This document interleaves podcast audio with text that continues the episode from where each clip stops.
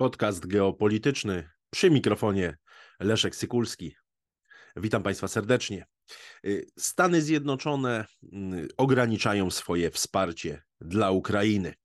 Y, Jak doniósł Biały Dom, mm, amerykański rząd może już mieć niedługo niemałe problemy z dalszym wspieraniem Ukrainy. Y, Administracja Joe Bidena od samego początku mm, tego konfliktu, tej wojny na Ukrainie, dała się jej nowej odsłony. Od lutego 2022 roku wspiera militarnie, finansowo to państwo.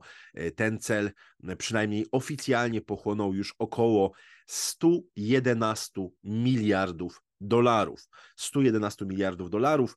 E, przypomnę tylko, że do połowy mm, listopada bieżącego 2023 roku Pentagon mm, otrzymał na wsparcie militarne Kijowa 60, ponad 62 miliardy dolarów. Co więcej, Biały Dom poinformował, że 97% już tej kwoty zostało, zostało wydane.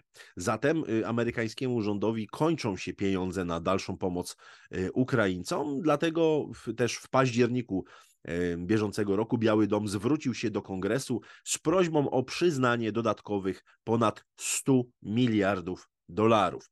Opisywałem to w podcaście geopolitycznym, mówiłem, jak wyglądały te e, kulisy, także mówiłem o politykach, którzy byli przeciwni temu i że rośnie ten trend niechęci do dalszego wspierania Ukrainy.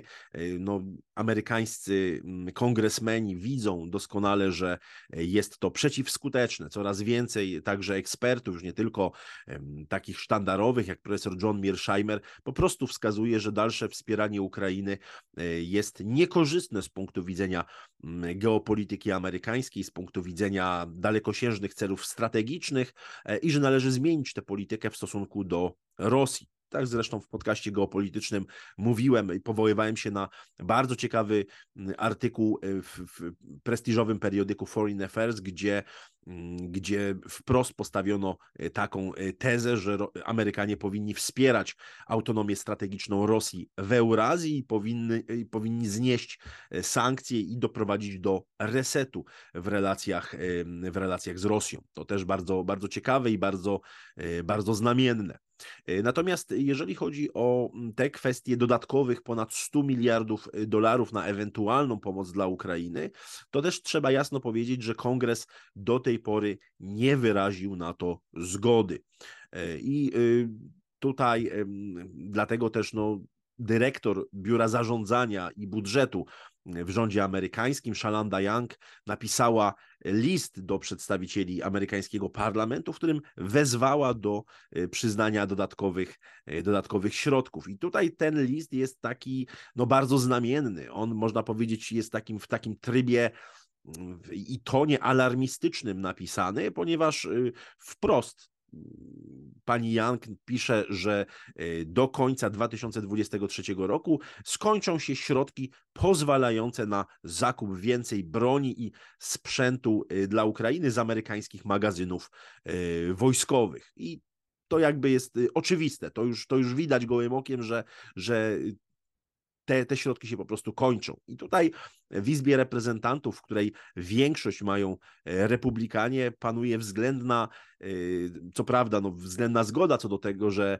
USA niby powinny wspierać dalej Ukrainie, ale przede wszystkim mówi się o tym wsparciu politycznym przede wszystkim jeżeli chodzi o wsparcie e, polityczne, ponieważ widać bardzo mocno inne potrzeby y, amerykańskie, chociażby jeżeli chodzi o wzmocnienie granicy y, Stanów Zjednoczonych z Meksykiem. Chodzi oczywiście o to, aby powstrzymać ten napływ y, migrantów z Ameryki Łacińskiej. I to są wydatki, które naprawdę bardzo mocno pochłaniają uwagę polityczną właśnie republikanów i członków Izby Reprezentantów. No i to oczywiście te rozwiązania nie podobają się demokratom, w związku z czym trwa w tej sprawie trwa w tej sprawie impas.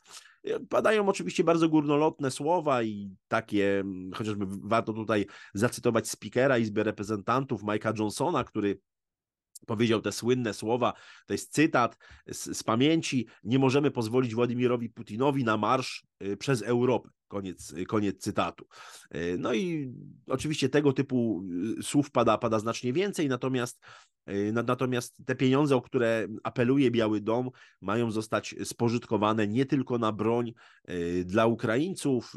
W sumie na to wsparcie Ukrainy ma z nich zostać wydane około 61 miliardów dolarów, czy miałoby zostać wydanych 61 miliardów dolarów. Natomiast w, w tym pakiecie około 14, ponad 14 miliardów miałoby trafić do, do Izraela, z tego 10 miliardów na zakup broni, około 14 miliardów na mm, ochronę granic Stanów Zjednoczonych, a reszta na wsparcie w regionie Azji i e, Pacyfiku i też inne wydatki związane z szeroko pojętym bezpieczeństwem narodowym.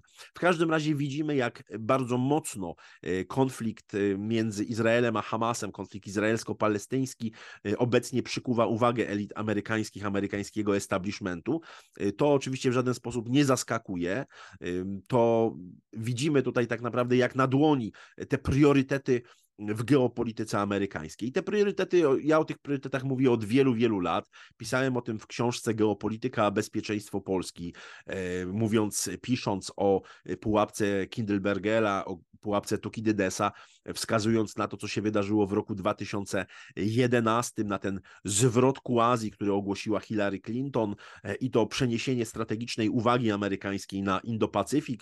W związku z tym kiedy pojawiają się takie koncepcje mm, geostrategiczne, jak na przykład koncepcja y, przedstawiona przez irańskiego y, analityka, irańskiego geopolityka Mohameda e, e, Reze Hafezniego, e, który mówi o tym istotnym uskoku geostrategicznym zachodnim i wschodnim, które będą kształtowały nowy porządek międzynarodowy, to widać, że ta obecność amerykańska, ta wysunięta obecność amerykańska jest bardzo mocno ograniczona. No, co najmniej od roku 2008 Amerykanie już nie są w stanie prowadzić działań wojennych na dwóch teatrach teatrach działań. Mówimy o równorzędnym zaangażowaniu.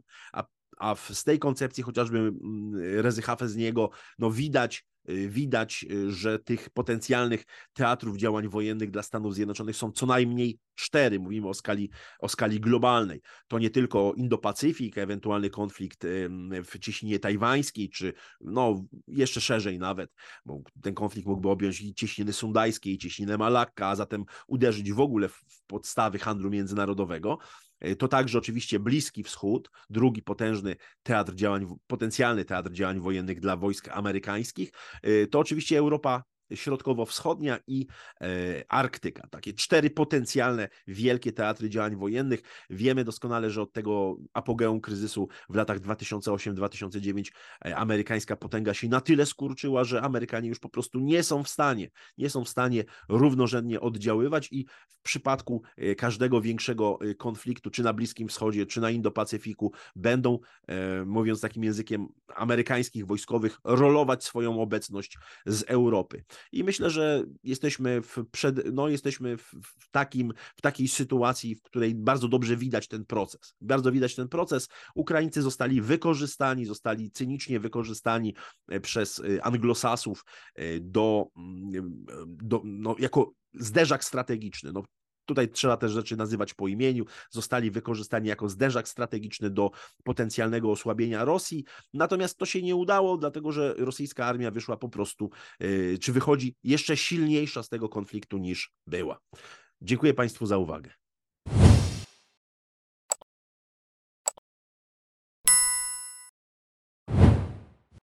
Szanowni Państwo, zapraszam Państwa serdecznie do odwiedzenia księgarni geopolitycznej, gdzie w sprzedaży jest już drugie wydanie mojej książki zatytułowanej Geopolityka a bezpieczeństwo Polski. To książka, która w sposób przystępny pokazuje genezę najważniejszych koncepcji geopolitycznych, które kształtowały e, polską myśl geopolityczną, polską politykę zagraniczną e, i rzuca nieco więcej światła na e, otoczenie międzynarodowe Rzeczypospolitej współcześnie.